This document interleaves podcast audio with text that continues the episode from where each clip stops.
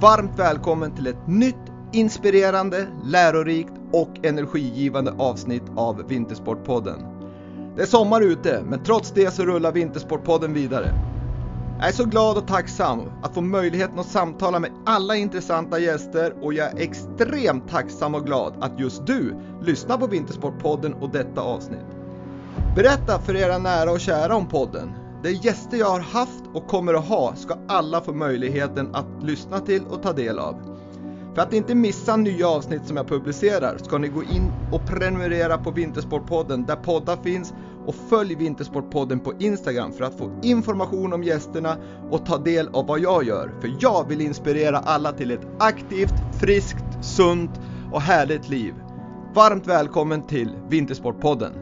Dagens avsnitt är i samarbete med Brooks, The Running Company, som grundades 1914 och har mer än 100 års erfarenhet av att utveckla och producera löparskor. Jag löper en hel del och kan med handen på hjärtat säga att Brooks har grymma löparskor. Oavsett om du är elit eller motionär, springer på asfalt eller i skog och mark så har Brooks skor till dig.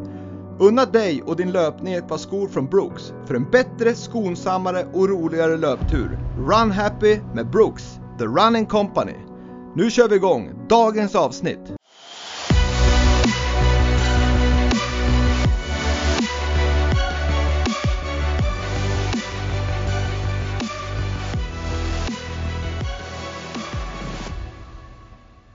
Dagens gäst i Vintersportpodden, kvinnan med lång bakgrund inom skidåkningens värld och som är en frisk fläkt oavsett miljö. Nu ska hon leda och ansvara för svensk alpin och skicross framtid och står därmed inför utmaningen att få sporten att växa och, nu, och nå nya framgångar. Varmt välkommen till Vintersportpodden, alpin och skicrosschefen Karin Stollan Stolt Halvarsson. Tackar Ville, det var en fin intro. Ja, men den stämmer bra tycker jag, för jag, du har ju en lång erfarenhet och du har väl växt upp med skidåkning och du har haft många olika roller inom skidåkning, både som professionell men även som ideell förälder.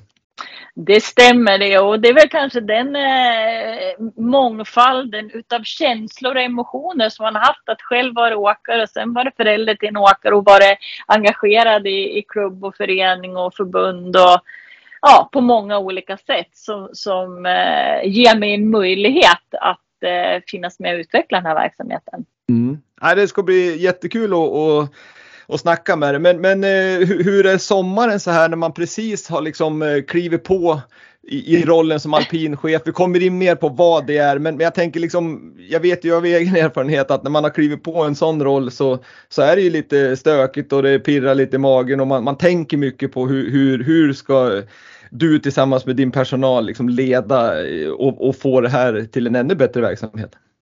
Ja, men precis som du säger så är det ju, det är ju, eh, jag har sommarlov som jag kallar det. Jag, jag, har inte börjat vuxet kalla det för semester än. Men, men eh, jag jobbar lite varje dag och, och som min man sa, jag jobbar även liksom nattetid i drömmarna och försöker lösa olika saker. Sen så är det ju precis som säger att eh, jag som, som ny chef måste ju också skapa mig en, en, en plattform och, och eh, förstå vad, vilka utmaningar man står inför. Och det, det är ju många utmaningar som är också liksom generaliseringar att ja men det här funkar inte och det här funkar. Det här. Så att jag tror att det finns liksom nyanser utav allting och det är det som är intressant att sätta sig in i. För mm. både eh, liksom, ja men de kollegor som jag som har jobbat länge, de bär ju på en enorm erfarenhet och, och kunskap som man vill ta del utav och, och, och jag har ju ingen liksom, ambition att komma in och, och åh, nu ska jag göra något nytt och göra ett jätteavtryck ba, bara för att. Utan jag, jag vill skapa min bild och, och eh, se till att vi kan samverka mellan oss olika kollegor på, på bästa sätt. Mm. Ja, men det, det, låter ju som ganska klokt. För att bara hoppa rakt in och göra helomvändning det kan ju också vara lite otaktiskt. Men, men jag känner också så här att du har ju varit på olika positioner. Du har ju varit VD för World Cup-bolaget, alltså säga bolaget som arrangerar världscupen i Åre. Du har mm. varit, mm, som jag sa, förälder. Du har jobbat med VM och volontärs liksom, ansvaret där, vilket var ett jättestort ansvar. Och så sen senast och innan du blev alpinchef så var du ansvarig för den nationella verksamheten, det vill säga barn och ungdom och utbildningsverksamheten. då har du ju skapat en bra bild av situationen. Men, men är det någonting du känner skulle också kunna hämma det? Liksom att du, du har sån insyn så att du inte ställer de här riktigt dumma frågorna som man kanske gör som helt ny? Nej, men jag tror inte att det hämmar mig, men, men samtidigt så är det ju att, att vara i en miljö, precis som du säger, som, som förälder till ett barn som, ja, men som har eh, gått alpint hela vägen och också gått skidgymnasium och, och eh, liksom höra, man är kritisk och man generaliserar och säger, men vad, vad ska förbundet göra? Och så vet man, ja men vilka är förbundet då? Det är ju alla det. Det är ju hela hela skidsverige. Det är klubbar och föreningar och, och eh, skidförbundet naturligtvis som anställd men det är, det är också, vi är en del i, i ett system. Så att det är också lätt liksom att, att projicera att ja, men vad ska förbundet göra åt det här? Ja, men vi är ju inte en, en jätteorganisation utan vi sitter ju också eh, och jobbar liksom mer än fulla dagar. Så, så där, det som, som, som du säger då, att, att veta om bakgrund, det är just det här emotionella. Att det, att det skär liksom i, i hjärtat när, när generaliseringarna också eh, slår igenom. Och, och eh, att man tror att det finns liksom konspirationsteorier kring, eh, kring saker och ting. Och, och, där, där känner jag väl att, att vi som, om vi nu ska prata förbund, att vi tjänstemän, liksom, den, den transparens som, som efterfrågas, den, den ska vi absolut eh, förädla skulle jag säga. För att det finns liksom inga konspirationsteorier eller hemligheter eller vi sitter inte på några kuckelurrecept eller eh, har eh, ja, vi har dialoger kring saker och ting vi gör och, och precis som vid alla andra arbetsplatser så Dels saker är konsensus på och i andra saker så har man olika åsikter. Så att erfarenheten den är alltid nyttig. Sen, sen brukar jag säga det att jag är ju inte heller eh, någon person som på något sätt måste driva igenom det, eh, det jag tror och tänker utan det är ju i, i, en, i en samsynthet men i vissa fall så, som jag säger, min röst räknas också. Så är det. Mm, mm. Nej, men det är intressant, intressant eh, samtalsämne här och, och jag liksom har också levt inom alpina länge och och, och, jag tror just precis som du säger med transparenten, transparentheten eller transparensen är väldigt viktig för, för att få det här engagemanget också hos, hos ledare, hos ideella, hos distrikt och så vidare. Att, att man får verkligen dem att, att bli en del, som du säger, de är ju ändå distrikten som äger skidförbundet och, och egentligen kan man väl säga att de, de är din chef på, om man ska dra det liksom stort. Men, men det är väl det som är konsten, att få dem att bli engagerad och att vara en del av diskussionen tillsammans med dig och övriga tjänstemän. Mm.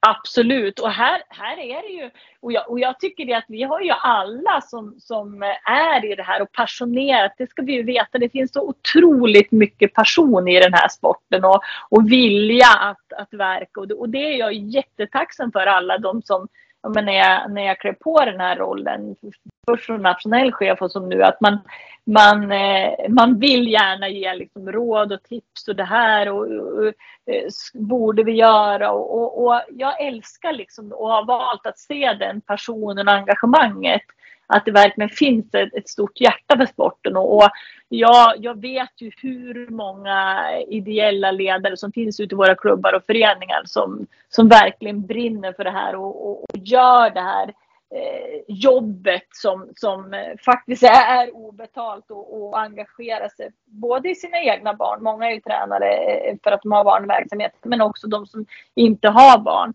Så mm. det är ju ett fantastiskt arbete som görs och, och hur ska vi liksom accelerera det eller inspirera det ytterligare? Det är ju saker som, som vi diskuterar. Nu har, nu har vi förmånen, ska jag säga då, att, att eh, faktiskt ny, nyanställa, som vi kallar det för en, en föreningsutvecklare som kommer dedikerat kunna jobba. För, för det vi känner att utifrån då tjänstemännen som, som jobbar på, på nationell verksamhet, det är ju inte att, att någon sitter och rullar tummarna utan tvärtom att det är ju liksom händer och fötter som ska faktiskt vara ute i verksamheten och, och det skulle vi behöva vara flera. Men där har vi också distriktstränare, distriktsutbildare, klubbtränare som det är så många som sitter på lång erfarenhet och så mycket kompetens. Så det gäller ju att få uh, samtliga liksom samlade att, att gå åt samma håll.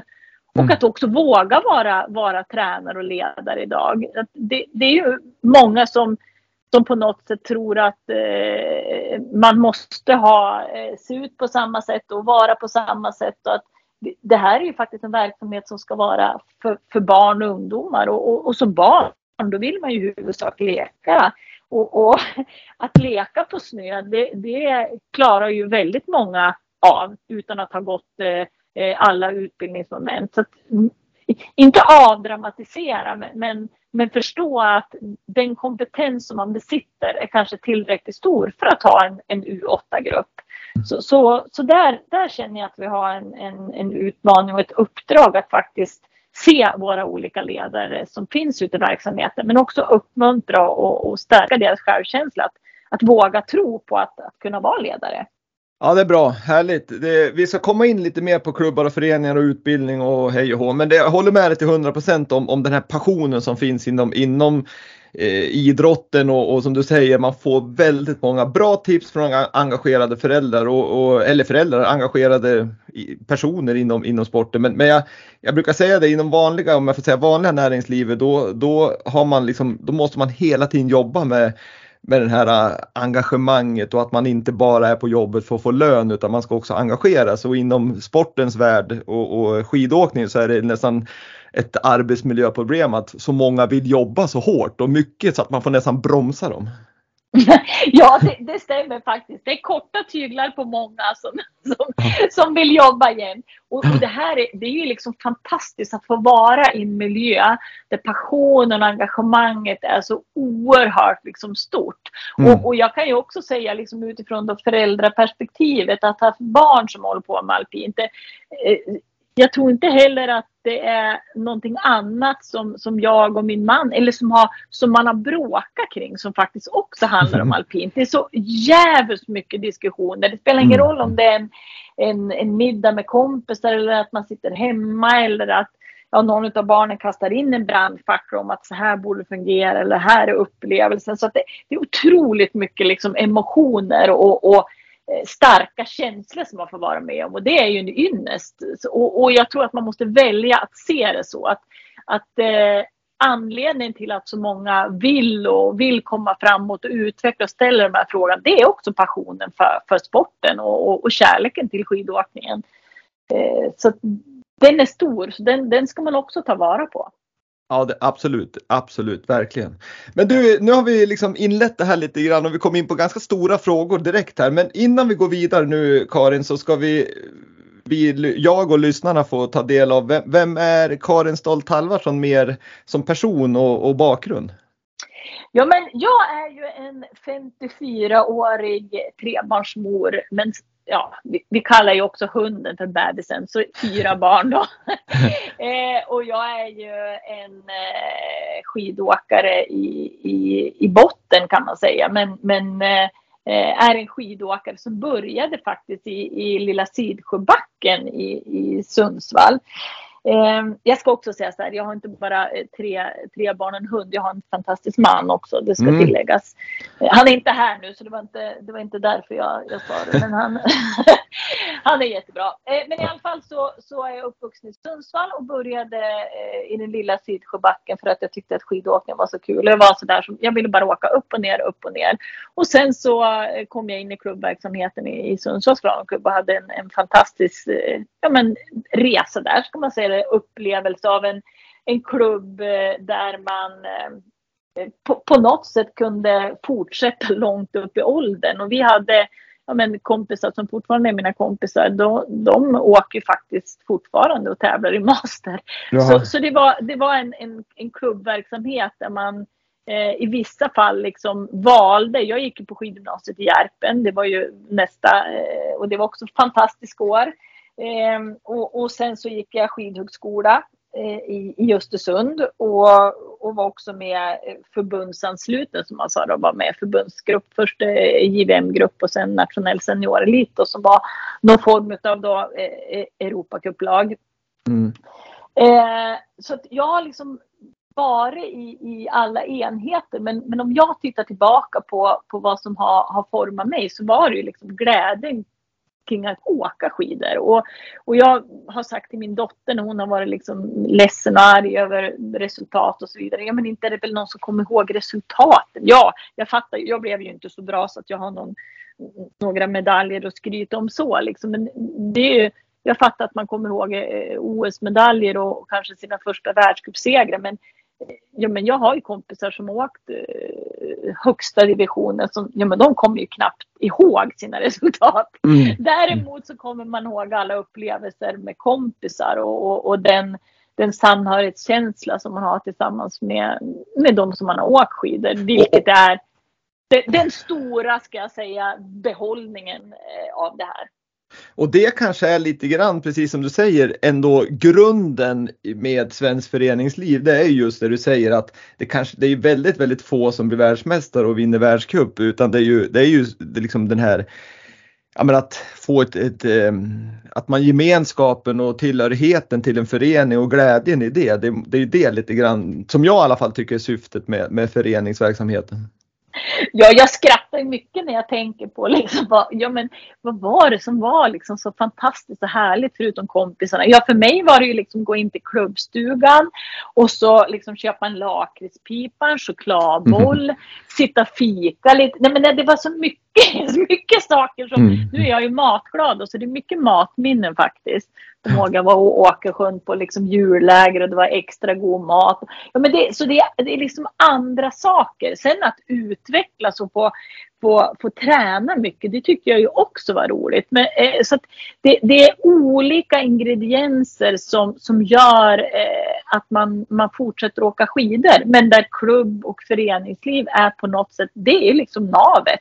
Mm. Det, är där, det är där tryggheten ska skapas och, och, och därför är det också viktigt att att man är liksom eh, välkommen att, att komma som man är till, till klubb och föreningar. Det, det finns inte liksom den här eh, exakta bilden av hur man ska eh, behöva vara. Och där har vi ju såklart en utmaning när vi har en, en idrott som ja, en bit upp i åldern i alla fall kostar så pass mycket liksom i, i utrustning om, om man ska följa med hela vägen. Så, så, så där är det ju Ja, det är en utmaning och den ska vi ta sen. Ehm, jag tänkte bara på, du, du, du gick ju, flyttade ju 84 till skidgymnasiet i Järpen och så gick du skidhögskolan. Men sen, sen bytte du lite bana från alpin till puckel. och Blev puckelåkare och även där var med i landslaget. Ja, men, men eh, det var samma sak där. Jag var med i grupp två kan man säga då. Men, men eh, jo, men så var det att jag eh, fick scholarship till USA eh, i alpint och eh, kände ju att nej men, eh, jag, jag kom hem därifrån och sen så kände jag att ja, men jag, tycker det, jag tycker det fortsatt jätte, jättekul att åka skidor. Det är absolut roligaste. Men jag hade liksom inte motivationen att träna eh, alpint. Men däremot liksom glädjen i att åka skidor och kunna kombinera träning och tävling. Nu är det inte så i Pucka utan nu, men jag hade i alla fall då möjligheten att träna och tävla på en, på en bra nivå och samtidigt liksom jobba och plugga. Det gick att kombinera allt och det var mm. liksom den här glädjen som jag fann i att åka skidor och, och vara i ett sammanhang. Så det, det, det var också fantastiskt år ska jag säga och, och mitt hjärta för puckel är också eh, fortsatt lika stort. Och, och, och möjligheten att transportera så, så, skulle jag säga att jag, jag, jag tror liksom på att skidåkningen är grunden till, till många eh, olika grenar. Nu kan inte jag säga att jag skulle kunna konvertera till, till längd eller backhoppning när jag var 24 år. Men, men till, till utförsåkargrenarna så, så... Breda skidor kan man väl säga? Ja, breda skidor. Där, mm. där, är, där skulle det vara mycket enklare tycker jag att transportera sig mellan de olika grenarna. Och, och sen så just det här att ja, men varför håller jag på? Ja, men det är för att det, det är roligt. Eh, det var kanske inte, och jag blev ju ingen världsmästare, men jag tänkte aldrig liksom det för att jag ska bli bäst i världen. Utan för mig så var det liksom, jag vill, jag vill bli bra, men grunden ska ändå vara liksom glädjen i att, att eh, träna och, och tävla och, och, vara i ett sammanhang. Så, så det, det, var, det var kul och jättenyttigt också att, att byta till en gren som man då ansåg vara liksom mindre och, och samtidigt så då som man liksom ja, men sa att ja, men vem som helst liksom, som var alpinåkare kommer ju bli, kunna bli världsbäst i alla andra grenar. Så, så, är det ju definitivt inte heller längre. Det finns Nej, det självklar... Ja. Men, ja. men, men, du, men jag sa inledningsvis att du har ju, liksom, du har ju jobbat med, med både världskuppen och VM och skidförbundet och så har du varit förälder. Men en sak som jag glömde faktiskt som också är lite kul i sammanhanget är att du var ju, eller du är utbildad lärare och du jobbar länge som gymnasielärare och därmed har du också haft insynen i hur, vad ska jag säga, skidgymnasieverksamheten funkar på, från skolbitens sida. För du har ju varit lärare för väldigt, väldigt många duktiga och, och glada eh, längd och slalom och puckelåkare genom, genom åren. Ja, det var fantastiskt. Jag var lärare i 17 år, tillbaka till brottsplatsen. Så jag undervisade ju i Järpen och var ju mentor för många skidgymnasister. Däribland du, Ville. Jajamän! Jajamän! Nej, men, och det, det är ju samma sak där. Jag, jag, kan inte säga att någonting genom livet har varit tråkigt. Alla jobb och, och alla... Men, så här, ja, men, genuint eh, fantastiskt. Liksom. Och, och såklart den insikten i att jobba med de som vill bli absolut bäst men också eh, jobba med de som är under eh, utveckling som det är på, på ett gymnasium. Det är också en, en, en jättebra eh, och rolig erfarenhet och jag är fortfarande väldigt eh, bra liksom, dialog och, och, och, och, fortsatt kontakt med många som, som jag faktiskt undervisade. Så, så det var också en, en, en rolig del och det känns ju kul när jag var som nationell chef att vara lite tillbaka i den och veta att, och det har man lust att säga till alla, att alla som har någonting med de som håller på med skidåkning att göra har ju en passion också att vara delaktig att göra var och en bättre oavsett om du undervisar i franska eller i, i, i idrottsämnena så, mm. så, finns det här liksom och, och det, det, tycker jag på Järpens skidgymnasium att även lärarna var otroligt liksom engagerade och ville möjliggöra för, för atleterna att, att utvecklas. Mm. Verkligen. Men, men eh, och efter liksom, då har det ju varit liksom i stort sett hela tiden, även när du var lärare så var du ju liksom involverad lite i skidåkning som förälder men även lite grann mot världscupen och så vidare. Men sen efter VM 2019 så då tog du ju beslutet att, vad ska jag säga, kliva från mm. idrotten lite grann och, och hamna liksom på kommunikationsspåret och blev kommunikationschef på Jämtkraft i Östersund. Mm. Eh, om, man, om man ser på den rollen och, och, där du nu kliver in då, om vi ska börja närma oss rollen som alpinchef. Hur, hur, vad tar du med dig från om man säger näringslivet där och kommunikationsdelen? För mycket som alpinchef hamnar ju som du sa tidigare mot transparens och kommunikation och, och få många med på spåret. Liksom. Hur, kan du ta med dig någonting från, från eh, Jämtkraft in, in i eh, rollen som alpinchef? Ja men absolut. Det som jag lärde mig eh, på Jämtkraft och var på ett storbolag och dessutom sitta i koncernledningen. Det är ju eh, ja, men dels hur, hur, hur storbolag, alltså hur, hur det fungerar och vilka möjligheter man har liksom kring att, att ha en, en stab som är fungerande och, och, och kollegor som är som, välutbildade inom sitt. Och, och, och, kommunikation handlar ju mycket om att, att både internt kommunicera, att, att få liksom medarbetarna att, att eh, eh förstå delar av strategier och implementera och så sen så ha ett, jättemånga kunder då eller utövare som också ska förstå. Samtidigt som i den här rollen som jag har nu så, så har ju vi också en, vi har en kommunikationsansvarig och vi har en kommunikationschef övergripande på förbundet. Och, men, men, det är klart att de frågorna brinner man lite extra för. Och, och, och, kommunikation är ju precis som du säger, det finns ingenting som är så svårt och samtidigt så borde det vara busenkelt. För det är ju, eh, paketerar man det rätt eh, så, så så, så eh, når det ju också det man vill säga når då mottagarna. Men sen kan man ju aldrig garantera hur mottagarna tar emot paketet. Vissa vill ha rosa snören, andra vill ha sina paket inslagna liksom med dödskallepapper. Mm. Så vi är ju också olika som personer och det tror jag är viktigt och att man når man inte fram då måste man titta på okej, okay, nu, nu kommunicerar vi så här. Nu var det röksignaler och, och, nu skickar vi på sociala medier eller vi skickade personligt brev, men det gick ändå inte fram. Hur ska vi nå då? Så det är liksom en, en ständig utmaning.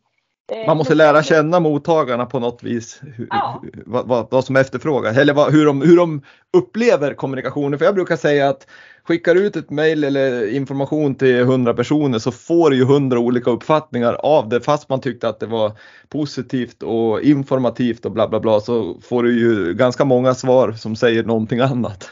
Ja, och det ska vi veta. Varje liksom person är ju unik på sitt mm. sätt. Både när det gäller, och det är det jag menar med generaliseringar. Att det, det är ju också, det är lätt att när man är i en verksamhet att man hör någonting och så blir det liksom en, en sanning.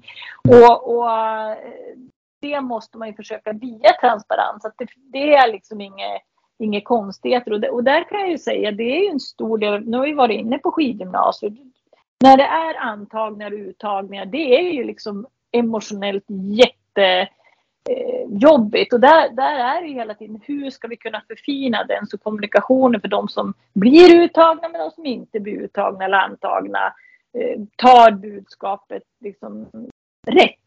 Och, och, för det är också, man, man vill ju att alla människor ska, ska få så relevant information, kommunikation som möjligt, men också att den är Eh, så, så välpaketerad som den går. Så, så, mm, så där var en utmaning.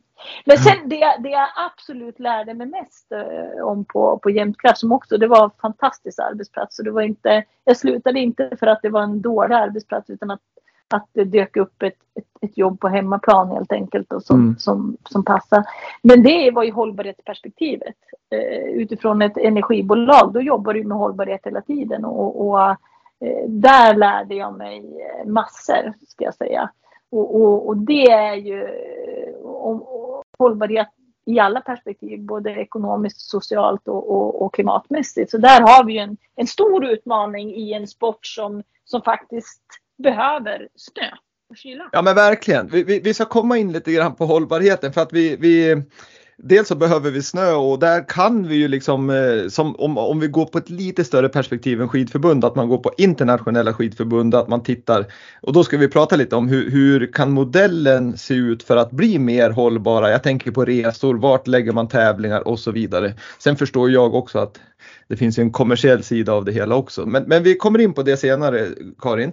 Eh, det jag tänkte gå in på nu det är ju rollen som alpinchef. Jag ska säga att alpinchef om man skulle översätta det till näringslivet och ett vanligt bolag så skulle man kunna säga att det är en VD på ett vanligt bolag, det vill säga du som alpinchef ansvarar för all verksamhet inom alpint och skikross på Svenska skidförbundet. Det stämmer. Ja, och då, då kan du berätta, hur, hur ser du på rollen liksom om, om, om du skulle berätta lite kortfattat hur, hur din uppfattning av vad, vad, är din liksom, ditt uppdrag inom Svenska skidförbundet?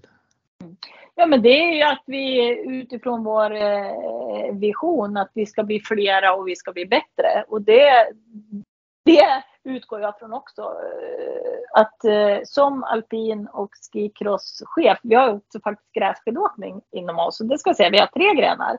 Mm, Den elfte och nyaste grenen. Så, så är det ju viktigt att vi, vi både utvecklar då basen, det vill säga klubb och föreningslivet. Och eh, att vi ser till att eh, landslaget eh, har förutsättningar för att kunna bli så bra som möjligt. För vi behöver både världsstjärnor och vi behöver atleter som, eh, som skapar en bredd som, som vi faktiskt kan eh, få fram de här storstjärnorna ifrån. Så det, det, är ingenting som är viktigare än det andra och saker och ting måste hänga ihop. Och min roll som alpin chef, det är ju att Eh, vi har egentligen tre enheter som det ser ut nu. Och det är eh, landslagsdelen där vi har ett dam och ett herrlandslag eh, uppdelat då i, i, kan man väl säga, tre olika grupperingar eller nivåer. Eh, och sen så har vi en nationell verksamhet där då bland annat skidgymnasium, postgymnasial och, och klubb och föreningsverksamhet eh, samt utbildning ligger.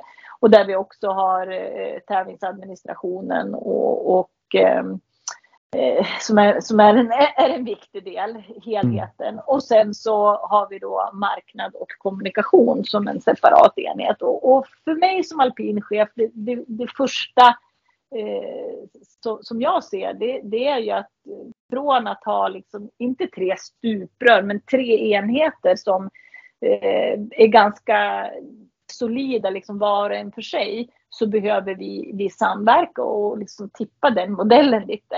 Så att från stuprör så, så har vi tre trädgårdsplatser som vi går. De ligger liksom sida vid sida.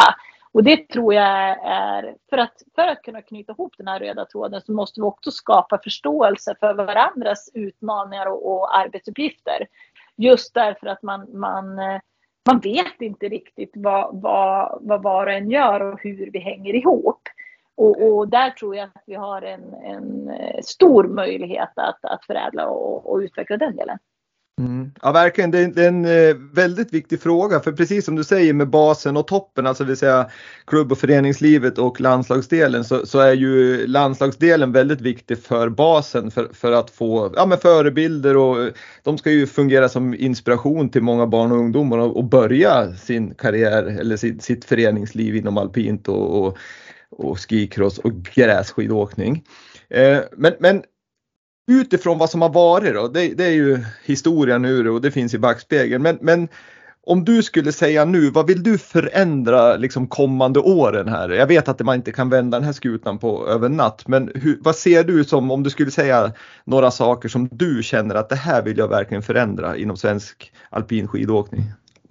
Men det är som jag sa, jag vill att eh, samverkansmodellen ska bli kraftig. Jag vill sätta ihop eh, grupperingar, människor helt enkelt, inte bara grupper för gruppers skull, som, som ska börja samtala med varandra. Det är så många kunniga eh, ute i Skidsverige som behöver finnas med i en dialog. Och jag vill också eh, att vi ska förstärka liksom, eh, hemmaplan, eh, distriktsverksamheten, skidgymnasieverksamheten, den postgymnasiala verksamheten.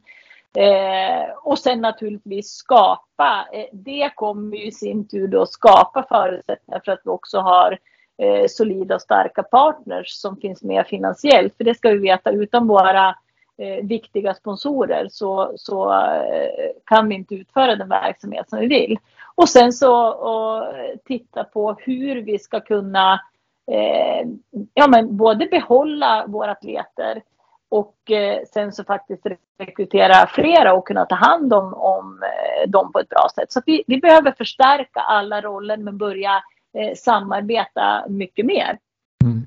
Nej, för jag, jag gillar ju att se framåt och inte bakåt. Ja, men någonting som jag tyckte var i alla fall bra, liksom ganska lång tid tillbaka som jag, som jag själv, jag, jag var inte jag var inte ledare på den nivån men jag upplevde ändå som att det var distrikten var ganska mycket engagerade i distriktsledarträffar. De hade ganska mycket att säga till om för då såg modellen lite annorlunda ut. Men det är lite mer åt det hållet du vill driva det här att de blir som en del av verksamheten så att ni som är tjänstemän och på förbundets sida får liksom relevant information om vad Skidsverige liksom kanske vill och, och är kapabel att göra.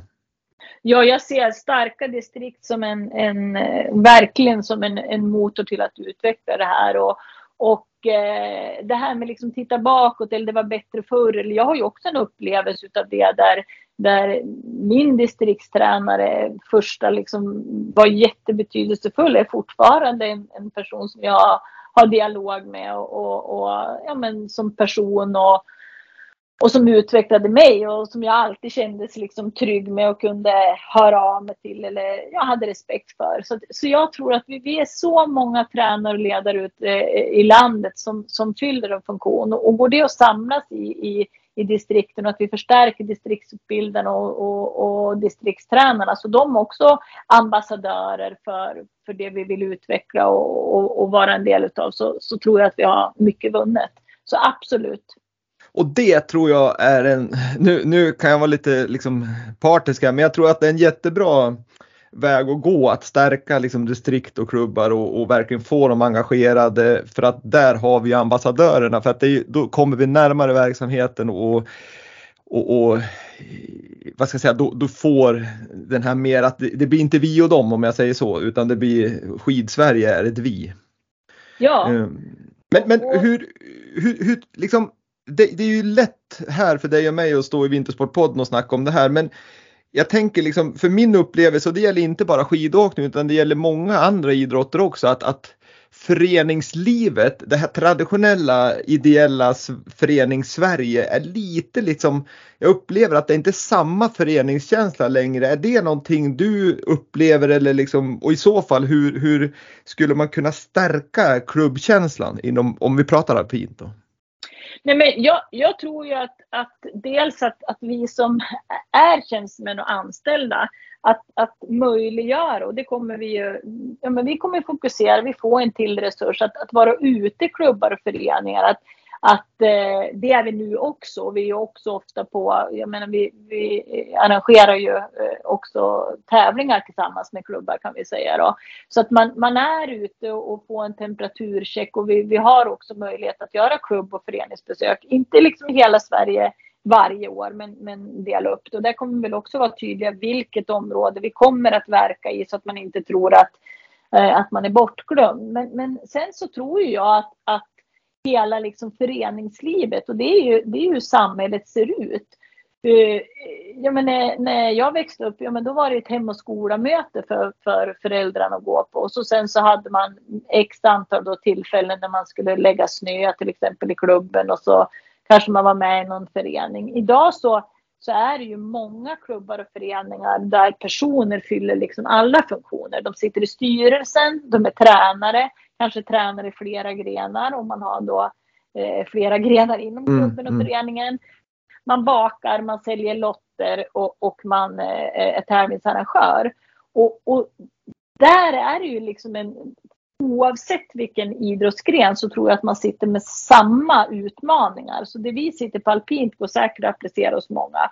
Och där behöver man ju komma tillbaka till vad, vad är liksom stommen eller grunden. Men i alpint så tror jag också att vi, vi måste tillåta eh, att eh, eh ja, men kanske ha en, en mer, inte, inte opretentiöst, men att det, det, ska inte vara farligt att vara tränare för en, en åttaåring eller tioåring. Det klarar liksom eh, egentligen vilken förälder eller vuxen eller gammal eh, åkare som helst. Så vi måste också förstå att eh, eh, det är inte liksom rocket science. Eh, och naturligtvis så ska ju vi ge verktyg och, och underlag och, och, en tränarhandbok eller en, ja, på något sätt att, och där har vi gjort ett arbete nu och, och, både byggt upp en, liksom en, en, en bank, en övningsbank och, och vi kommer också göra en eh, release, en populärversion utav, utav utvecklingstrappan då, för att möjliggöra det här. Och sen så är det ju som med all utbildning, liksom att ja, men det är många atleter som går då eh, från att vara atlet till att börja träna och så börjar man utbilda och, och, och sen blir man då topptränare. Men alla nivåer av tränare behöver ju också liksom en vidareutbildning och där, där kan man ju som förbund eh, med, ska jag säga, både den digitala mognaden och att vi faktiskt, det är en fördel att vi har haft en pandemi. Att mm. eh, nu, nu är man mer van att ha information, kurser också eh, digitalt. Så här har vi ju en, en, möjlighet i ett hållbarhetsperspektiv faktiskt också att kunna inspirera eh, tränare och ledare ute i klubbarna som, som ja, på ett enklare sätt. Det, Nej, för, jag, jag, jag, håller ju med dig till liksom att det, det, det, behöver inte vara för jag upplever lite grann att man har gått att ja, men det måste vara någon som har jobbat på landslag eller på ett skidgymnasium och någon ska komma och vara tränare i klubben. Men så är det inte utan det handlar ju mer om att, att få sunda människor för att lite grann så är det ju som tränar du en 8 eller en 10 eller en 12-åring så, så så tror jag att många gånger en landslagstränare, de är jätteduktiga men, men det handlar ju som du vet Karin som har varit lärare så handlar det om hur ska jag förmedla den här kunskapen och det är inte så himla enkelt. Även om du har varit landslagstränare så är det inte bara att kliva in och träna tioåringar. Det är Nej, lite det... olika saker. Men, ja, men det jag tänkte komma till var ju just det här med utbildningen. Att du sa lite grann, jag förstår vad du menar, men så vi förtydliggör att vem som helst kan kliva in och vara tränare för 8-10-åringar, det håller jag med om. Men jag tror att den viktiga utbildningen där för de här små grupperna, är inte det lite grann att, att få den här, att utbilda i Föreningsliv och ja, i föreningsliv och liksom mm. i det här sundheten på något vis. För någonstans om du har fel person för tioåringar så kan man ju redan där skapa någon form av hets att nej men du måste ha fem par skidor fast när du är liksom tio år. Det kan ju bli väldigt fel. Nu Wille lägger du din värdering i den här frågan. ja, det gör jag. Kan vi, kan vi lugnt säga? Ja. Nej, ja, det gör du. Nej, men så, så är, och det är ju liksom en del som man pratar om, liksom oron. Och det gäller ju alla sporter, liksom att, man, Mm. att man hetsar barn i idrott. Och, och man ser att den psykiska ohälsan liksom rakt av när det gäller eh, hela samhället. Oavsett om du håller på med e-sport eller om du håller på med innebandy eller alpint. Och, ja, men så ser liksom samhället ut nu och man belyser det på ett annat sätt. Men, men jag tror ju att, precis som du säger, att, att känslan av att finnas med i en klubb och förening och att man oavsett om man kommer dit som eh, före detta åkare eller landslagstränare eller om man faktiskt eh, har spelat fotboll själv och, och med sina barn gärna vill åka skidor så handlar det om klubben och föreningen borde ju också ha liksom ett, ett mottagandeprogram eller en intro eller en, en utbildning. Och det, det tror jag man kan hjälpa till med att, att eh, uppmuntra till. För är man inne i någonting oavsett vad det gäller så då är allting så självklart. Och jag, jag har en sån himla bra historia från eh, ja, Åre Slalomcup satt i styrelsen där och så var det en ny förälder och så tänkte nu, nu ska den här föräldern få den, den absolut lättaste uppgiften och det var att ordna fika till en Årecupfinal. Mm. Och det här är en fantastisk kvinna som fick den här uppgiften. Men var liksom ny, hade inte varit inne. Och, och då fick jag liksom ett, ett frågebatteri efter det här. Okej, vad innebär fika? Vart har vi spons på fika? I så fall var ska jag fråga? Har vi ett kort? Vart finns det kortet? Eh, är det allergier? Hur många? Då blev det liksom en hel batteri av följdfrågor och, och vi tyckte liksom att ja, men det här var den enklaste uppgiften. Vad bra att vi Mm. köp fika. Men sen var, det- hade vi liksom ingen mer information. Och jag, då, det blev sån otrolig liksom minnesbeta för mig. Och, och också liksom, hon gjorde det med glimten i ögat.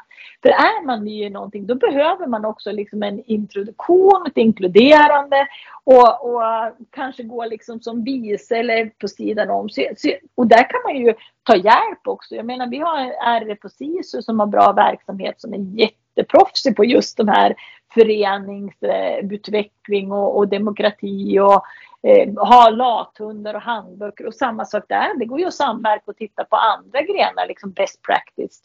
Har man lyckats? Och vi gör ju också saker som är bra som vi borde kunna dela med oss. Så att det, mycket handlar ju egentligen om att, om att, att samverka och, och, och acceptera. Men sen så inkludera när det gäller klubb och förening. Liksom att, ja, men så här är det att vara med i en klubb och förening och, och, och utbilda sig i det. Och, och- det var därför lite jag ställde frågan från början att, att eh, du, har, du har haft många olika roller inom skidåkningen och, och därför kanske det blir Ja, men du tar mycket för givet. För det här är ju typiskt en sån fråga att, att, att när man är inne i det, man tänker ja men det är lättaste uppgiften att fixa fika. Men, men, men då kommer ju de här följdfrågorna och, och, och jag, jag förstår exakt vad, vad du menade. Att, att jag tror att kommer in nya människor som dessutom inte kommer från idrotten, då, då gäller det liksom att ta hand om dem för att de ska bli motiverade att fortsätta också för att de kan ju känna sig väldigt dum de och så slutar de. Ja, Så, och, så att, och, och så är det ju liksom i alla miljöer. Man får ju tänka på det. Och, och med tanke på det korta liv som vi har här så, så får man ju tänka det. Man ska, vara, man ska vara snäll, man ska vara inkluderande och man får försöka eh, ställa sig liksom i, i, i någon annans kläder. Och, och alpint är ju, det finns ju så många liksom bra personer och ledare, tränare, atleter som håller på med den här sporten. Så, så det ska vi också eh, lyfta fram. Och sen så finns det som sagt det du säger då, ge, ge ord för hysteri och, och fem par skidor. Ja men det kanske också är okunskap. Man kanske Mm. tror att man måste ha fem par skidor när man är tio år för att kunna lyckas i det här. Och då har ju vi som, som idrott liksom egentligen också misslyckas med kommunikation eller förmedla det här. Och, och sen vet man ju inte vem som blir liksom tongivande. Men, men att förstå, och det, det går ju också att titta på livet i sin helhet. Liksom. Ja, men vad, det, det, det är kul att ha kul som jag brukar säga. Och, men kul är, är olika för olika personer. Någon är i backen för att hänga med polarna och äta en lakritspipa. Eh, någon annan är där faktiskt för att bli bäst i världen.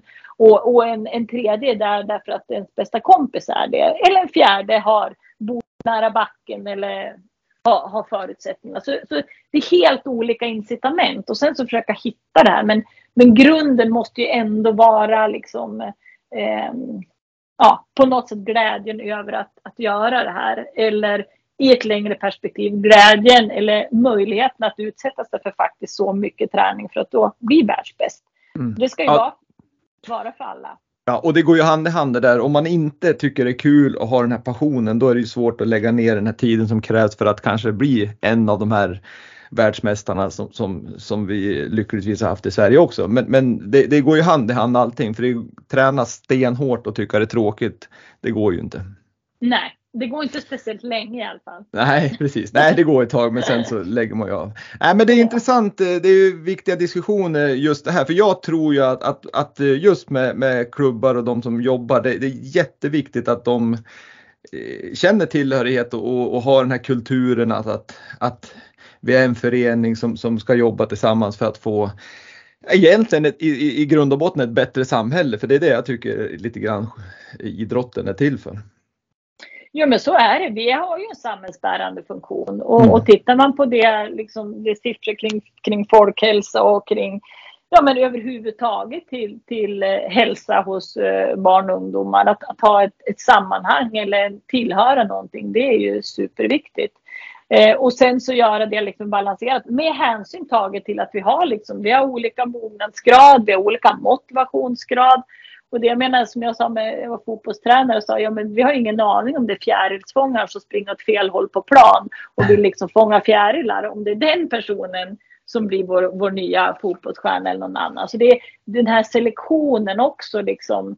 Eh, den kan ju inte vara för, för, tidigt. Sen tycker jag absolut inte man ska sätta stopp för de som vill träna jättemycket heller. För det är det, det roligaste de tycker. Och det kan man också tycka när man är åtta år. Så det gäller ju liksom att, att sätta på sig sunda glasögon och, och sen hur vi definierar sund, liksom, det är också olika hos olika personer. Men att möjliggöra att så många som möjligt kan vara med så att vi har den här eh, liksom bredden att faktiskt också eh, få fram åkare som, som är beredda att göra jobbet för att nå hela vägen. Mm. Så att eh, det ska man också vara fullt medveten om att det finns ju de som verkligen vill träna precis jämt och det är inget fel med det. Nej, och det är där som är ju större, vad ska jag säga, ju mer folk och, och aktiva vi är inom, inom eh, idrottsvärlden desto lättare blir det egentligen att hantera det du säger nu tycker jag i alla fall oavsett idrott. Det är ju att då kan du göra lite mer nivåanpassad träning att ja men Kalle och Pelle och Lisa och Anna här, de, de, de har kommit lite längre just nu så då kan de träna där och de andra som inte har kommit lika länge kan träna där och så sen kan ju det bytas över tid för att jag tror att då blir det roligare för alla för då, då tror jag man blir motiverad för oavsett vart du är i utvecklingen så så är ju min uppfattning när man har varit med i föreningar att alla tycker det är roligare om man, om man liksom blir sedd oavsett nivå så att säga. Ja, ja, ja. men det är, det är exakt så. Och man, det är det jag menar. Det kan hända mycket över en sommar som man sa. Det, mm. det har man ju sett också. När man har jobbat som lärare så, så kan det ju från en sommar till en annan just i, i det ålderssegmentet gymnasiet till exempel så kan det hända massor. Och, och, och eh, med barn också att liksom kunna, kunna behålla åkare. Eh, men också rekrytera och, och visa att, eh, att Ja, men skidåkning är en, eh, är en sport som går att göra på många olika sätt. Och, och där kan man väl säga att utifrån att vi har en sport som bedrivs i anläggning så är ju anläggningsfrågan också en, en viktig och prioriterad fråga för oss. Precis som jag säger att eh, jag tror ju att det kommer vara en, en, en valfråga.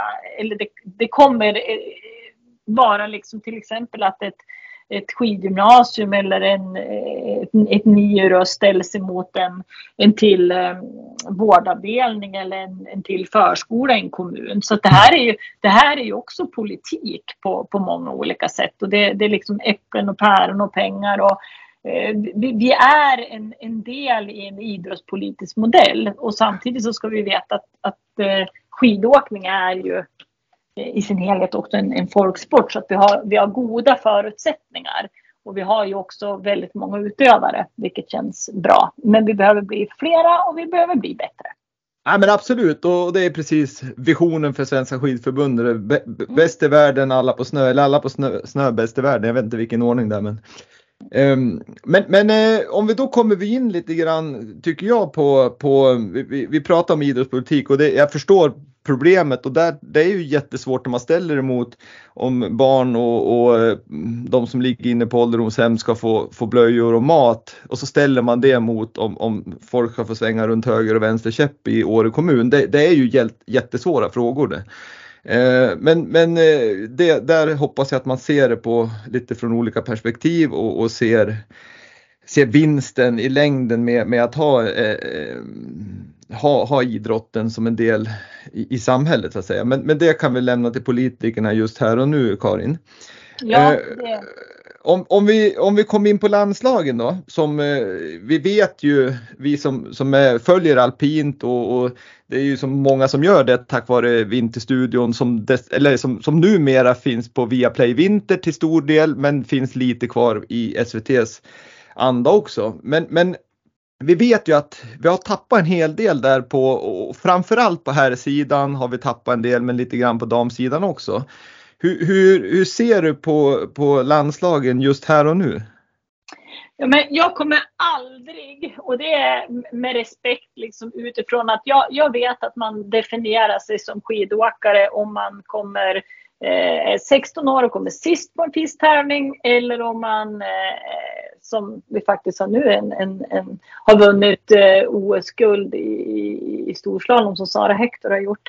Mm. Eh, så, så är det ju, eh, jag kommer aldrig eh, säga att vi har ett dåligt landslag. Jag vet att man, eh, och, och, det är ju ingen liksom, nyhet heller som, som media och säger att eh, det, ja, vi har aldrig haft så dåliga herrar och det, det är dåligt hit och dit. Det, jag tycker att det är en respektfråga utifrån att de eh, som är med i landslaget, de lägger ju ner eh, all sin tid och kraft och sitt engagemang för att bli så bra som möjligt. Och de som jobbar med landslaget, samma sak. Eh, det man kan säga och, kommentera, det är ju att vi, vi har eh, färre killar. Och det kan man ju titta liksom på, på statistik, på, på tävlingsresultat, så har vi ju inte eh, på, på killsidan så har vi ju inte samma resultat som på, på tjejsidan. Men att eh, göra liksom eh, alarm på att det är eh, dåligt, det, det, det kommer jag liksom inte, aldrig i livet säga. Nej, och det är ju men det är bra, det är, det är bra som du säger att, att det är ju precis som du säger, de som är inne i ett landslag just nu och som gör full satsning, de gör ju det med full satsning och de gör det liksom det absolut bästa de kan göra. Men, men om jag, det var lite, jag ställde frågan om hur du såg slagkraften, men, men om jag säger så här då, hur, hur, hur skulle man liksom kunna få fler duktiga åkare upp i toppen liksom utifrån den här breda basen vi har. För jag, jag, ser ju att möjligheten borde finnas. För Norge till exempel då. Vi är ju ganska konkurrenskraftiga när vi tittar på juniorsidan. Men sen är det ungefär som att Norge går lite vidare och får fyra duktiga åkare i både fart och, och teknik. Hur, hur, är det någonting, vi, diskuterar ni någonting om jag säger så, hur, hur vi skulle kunna komma vidare och få fler upp i toppen? Nej men det diskuteras ju hela tiden och, och en del utav det, det är ju att vi har eh, åkare i systemet som fortsätter tillräckligt länge för att man ska kunna få den utväxling som eh, man behöver för att nå den absoluta toppen. Så, så det hänger ihop med det vi har pratat om, att vi behöver liksom en mer bredd, men vi behöver kanske också en, en större spets. Men jag tror ju personligen då att eh, förstärka det vi har på hemmaplan, förstärka skidgymnasierna, förstärka de postgymnasiala alternativen. Så att vi har också eh, alltså träning och eh, miljöer på hemmaplan som är så, ja, så, så pass starka att eh, vi har åkare liksom som, som fortsätter hela vägen upp. Och, och där så tror jag man kan liksom se över hur, hur, hur ska man utvecklas på de här olika liksom, eh, stationerna för att mm. nå hela vägen fram. Och, och, och sen så, ja, men, vi vet ju att vi har eh, åkare som, som är landslaget som träningsmässigt, det, det är liksom en, en marginell eh, vad ska man säga, det, det, är ju en sport med små, små liksom, detaljer som kan, eh, som kan ge heaven eller hell. Liksom det, det kan bli eh, rosen och, och rosenskimmer och, och pyropack. Mm. Medan det kan bli liksom brakfiasko. Så det, det är hårfint. Men jag tror ju att vi behöver ha flera som håller på längre. Då har vi också en, en större grund för att kunna eh, plocka upp. Och, och, sen så är det ju liksom kopplat till, nu har man ju pratat mycket om att det är, eh, ja men titta på, på Norge, hur, hur de har gjort. Och, och där har man ju pratat många och, och man frågar också, har vi gjort omvärldsbevakning? Men självklart, omvärldsbevakning gör ju, görs ju hela tiden om man tittar. Men, men att kopiera någon, någons modell, det, det tror jag inte heller på. Däremot så kan man ju ta liksom best practice från de olika. Och det gäller ju att skapa en, en miljö där man har en, en, eh, en, en tillit ska jag säga till, till att man eh, ska utvecklas med sina lagkamrater och med mm. sina tränare och ledare. Nej, absolut. Och, och det, det, det, här brukar jag säga ofta att om man kopierar rakt av då kan det ju bli bara lika bra som dem. Tanken är väl att vi ska bli ännu bättre. Så det gäller ju att hitta sin egen väg. Men det är väl det som är liksom utmaningen att, att vad är våran väg framåt? Och det är precis som du säger att det är små marginaler. Det, det behövs inte så himla mycket för att man ska ta det där steget från att vara 32 och inte kvala till att vara 27 och så göra ett jättebra andra åk och bli 10 liksom och så sammanslag igenom. Eh, det är ganska små, små marginaler i sporten här men, men ehm, eh, eh, det är också bra, tycker jag du säger, med postgymnasial verksamhet, det vill säga typ skiduniversitet eller annan form av postgymnasial verksamhet. Och där har ni gjort ett grepp eh, med, med olika team då med, med, med no, no företagssponsorer som, som har gått, gått in. Men jag tänker på jag tänker på ett annat, ett, utifrån det vi pratade om tidigare med olika utvecklingsstadier, att man kanske inte liksom, alla är inte utvecklade, man är 16 år och, och man kanske inte ska göra liksom valet redan som 16-åring att ni ska vara med i ett juniorlandslag och så sen är det många som tappar motivationen. Så där har ni också gjort, tycker jag, ett, ett bra initiativ det här med Team Piqué där, där åkarna får vara med och växa, växa tillsammans med er på skidgymnasierna och även ledarna blir involverade så att man får den här röda tråden. Är, är det någonting som fungerar bra tycker du eller hur, hur resonerar ni kring det? Nej, men det är precis de delarna som vi, som vi ska utveckla och också titta på. Det vi kan se liksom med siffror och statistik, det är ju också att, att det är färre killar som eh, attraheras eh, av, av, av sporten. Eller vi har, vi har mer tjejer som vi kan behålla längre. Eh, och, och, det är speciellt och vi kan ju se ett tapp till exempel i, i 14 års ålder och, och, då är det ju eh, också om man tittar på, på startfälten då upp till, till gymnasieåldern ska jag säga så är det ju mer tjejer än, än vad det är killar.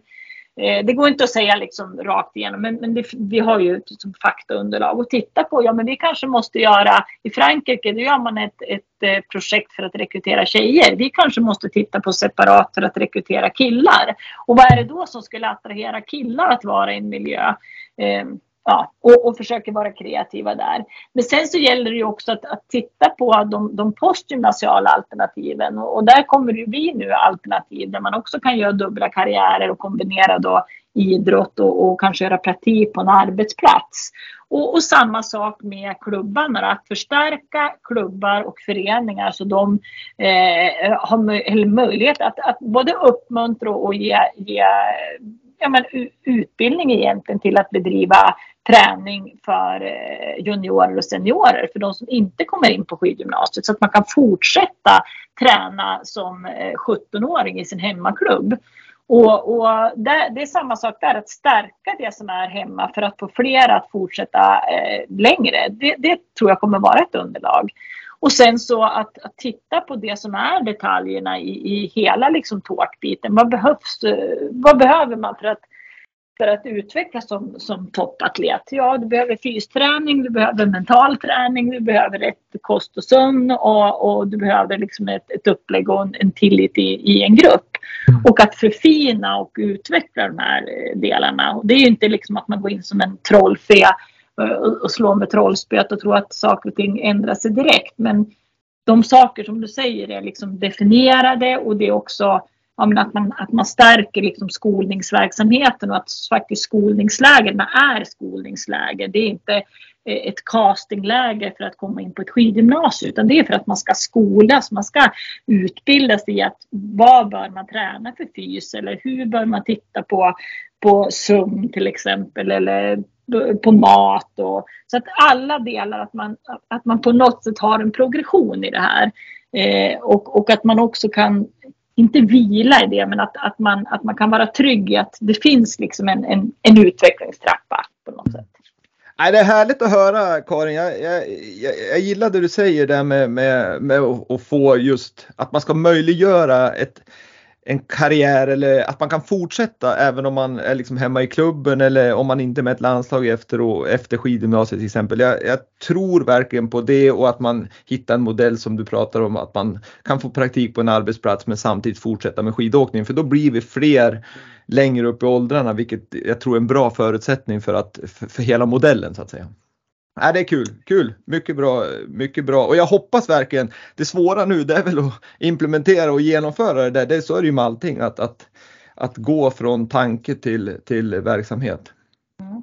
Ja, det, det, är redan handlat kan man säga i, i flera av de här frågorna. Så det är ju liksom, det är en planlagd för skolningsverksamhet, det är en planlagd för eh, inte fokusprojekt, men att, att eh, titta på hur ska vi kunna behålla killarna eh, i systemet upp till och så titta på de postgymnasiala alternativen då. Där man, det, det kommer bli eh, verksamheter och där, vi, där, där det också finns andra kommuner som står och knackar på dörren. Så det, det, det är redan steg tagna så det känns eh, jätteroligt. Härligt att höra, mycket positivt. Du, innan, innan vi slutar podden här, ehm, det här avsnittet så, så måste jag, vi var inne på det lite tidigare, men jag, måste ändå ta det som en viktig del i för alpin skidåkning, längdskidåkning, puckel, skicross, uh, you name it. Det enda grenen som inte riktigt är, vad ska jag säga, beroende av snö, det är ju grässkidåkning som numera är en del av Svenska skidförbundet också då. Mm-hmm. Men, men jag tänker på klimatet. Eh, jag vet att inte Svenska skidförbundet och du Karin kommer förändra klimatet i världen. Det, så är det inte och jag vet att ni gör vissa, liksom, ni gör, har ett samarbete med bland annat Vattenfall. Jag tror ni har det fortfarande där ni liksom jobbar med klimatfrågan. Men, men hur ser du på själva modellen? Och då tänker jag kopplat till FIS. Ser du att man skulle kunna göra om hela den här världscupcirkusen och som man åker en tävling i Japan i slalom och så sen flyger man till USA och kör en tävling och så till Norge och Sverige och kör en tävling.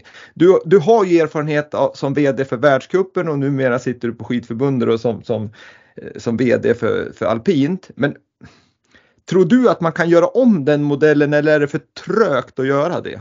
För att, för att vara en liksom, förebild kring klimatfrågan tänker jag.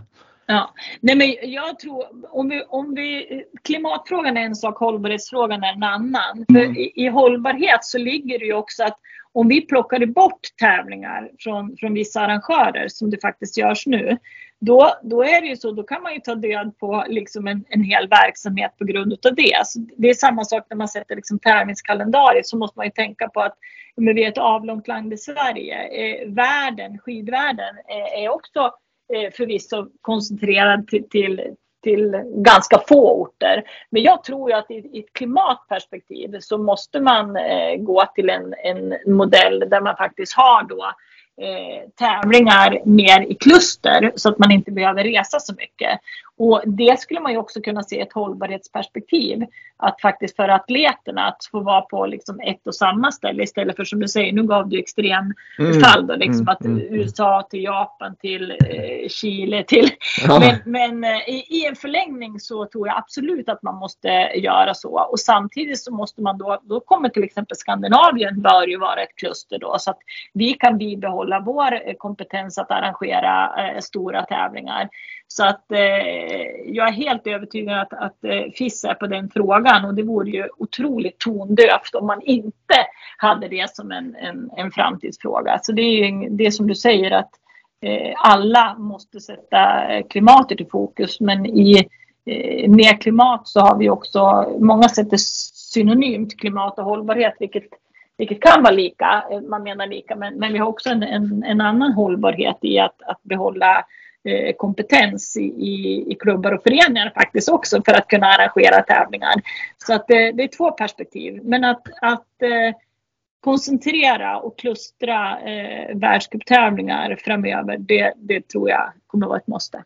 Ja, för det är ju liksom, dels har du ju den klimatdelen, det är ju, och skulle man ha det klustret Skandinavien så skulle man ju kunna hålla sig där tänker jag då från världscupspremiären i princip till eh, någonstans efter jul när vi är ganska säkra här uppe på på snötillgång och så vidare. Och då får du ju en, ekonomisk hållbarhet också att det blir ja. de, dels så blir det mindre resor för lagen vilket är en stor del av budgeten hos er. Och så sen en annan sak det är ju att då kanske man skulle kunna göra ett världscupsbolag för Skandinavien som samarbetar kring materialfrågor, nätkäppar, resurser och så vidare. För jag menar tar det är också en stor del i, i en världscupstävling det är ju materialbiten och, och, och, och, allt vad det nu är från kompetens som du säger hos klubbar för att kunna liksom göra den här stora grejen. Mm. Ja men absolut och det är samma sak där liksom all samverkan som går att göra. Eh, och där skulle man ju också kunna tänka sig liksom samverkan mellan, eh, mellan grenarna. Jag menar, mm. är det, och det, har vi ju sett också som exempel på när man har arrangerat då eh, först en världscup i puckelpist och så sen så veckan efter en, en världscup i, skicross och så eh, är det en tredje. Så jag tror också att, att göra ordningen arena och titta på personal och, och material och eh, det går att göra ännu större eh, samverkan däremellan. Så ja. eh, jag tror att det kommer bli ja, nog för att vi är uppvuxna med en generation att det är bra att äga sitt eget så kommer vi ju liksom sharing is caring. Vi kommer behöva dela med oss framgent och vi, det kommer ju bli mer liksom delningsekonomi och, och, och investeringar kommer behöva göras gemensamt för att vi ska kunna vara hållbara. Absolut. Jag pratade ju med Ulrika Back Eriksson och Sara Tigerström här kring VM ja. i, i Falun 2027. Och då pratar vi just om det där att, att när man har arrangerat VM att där finns det ju också förmodligen möjligheter att samverka kring om, oavsett om det är alpint, längd eller hockey-VM så kan man ju liksom grundbulten för att inte göra samma misstag så skulle tre personer kunna åka runt och starta upp alla de här eventen för att liksom ha den här erfarenheten och kunskapen. Det tror jag skulle kunna vara, vinna mycket, liksom både tid och, och pengar faktiskt. Ja, under våra... Vårt, jag var ju med och jobbade på VM 2007 också. Och eh, då var det ju faktiskt studiebesök hos många andra arrangörer just för att göra den här eh, kunskapsöverflyttningen och, och, och transfer of knowledge som det heter då på, på FIS eh, genomför mm. man ju också. Så jag, jag, tror att absolut att det finns eh, ännu mer att göra där. Och, och då gäller det att man är liksom transparent och ärlig och också delar med sig av de, de misstag som man faktiskt gör. Och ja, det kan ju vara liksom stoltheten emellan att man vill, eh, att man, ja. Men, men det finns alltid saker jag tycker är bättre att säga liksom att, att förädla för att eh, säga att man inte har någonting. Eh, men, men saker och ting går att förädla och, och förbättra eh, alltid.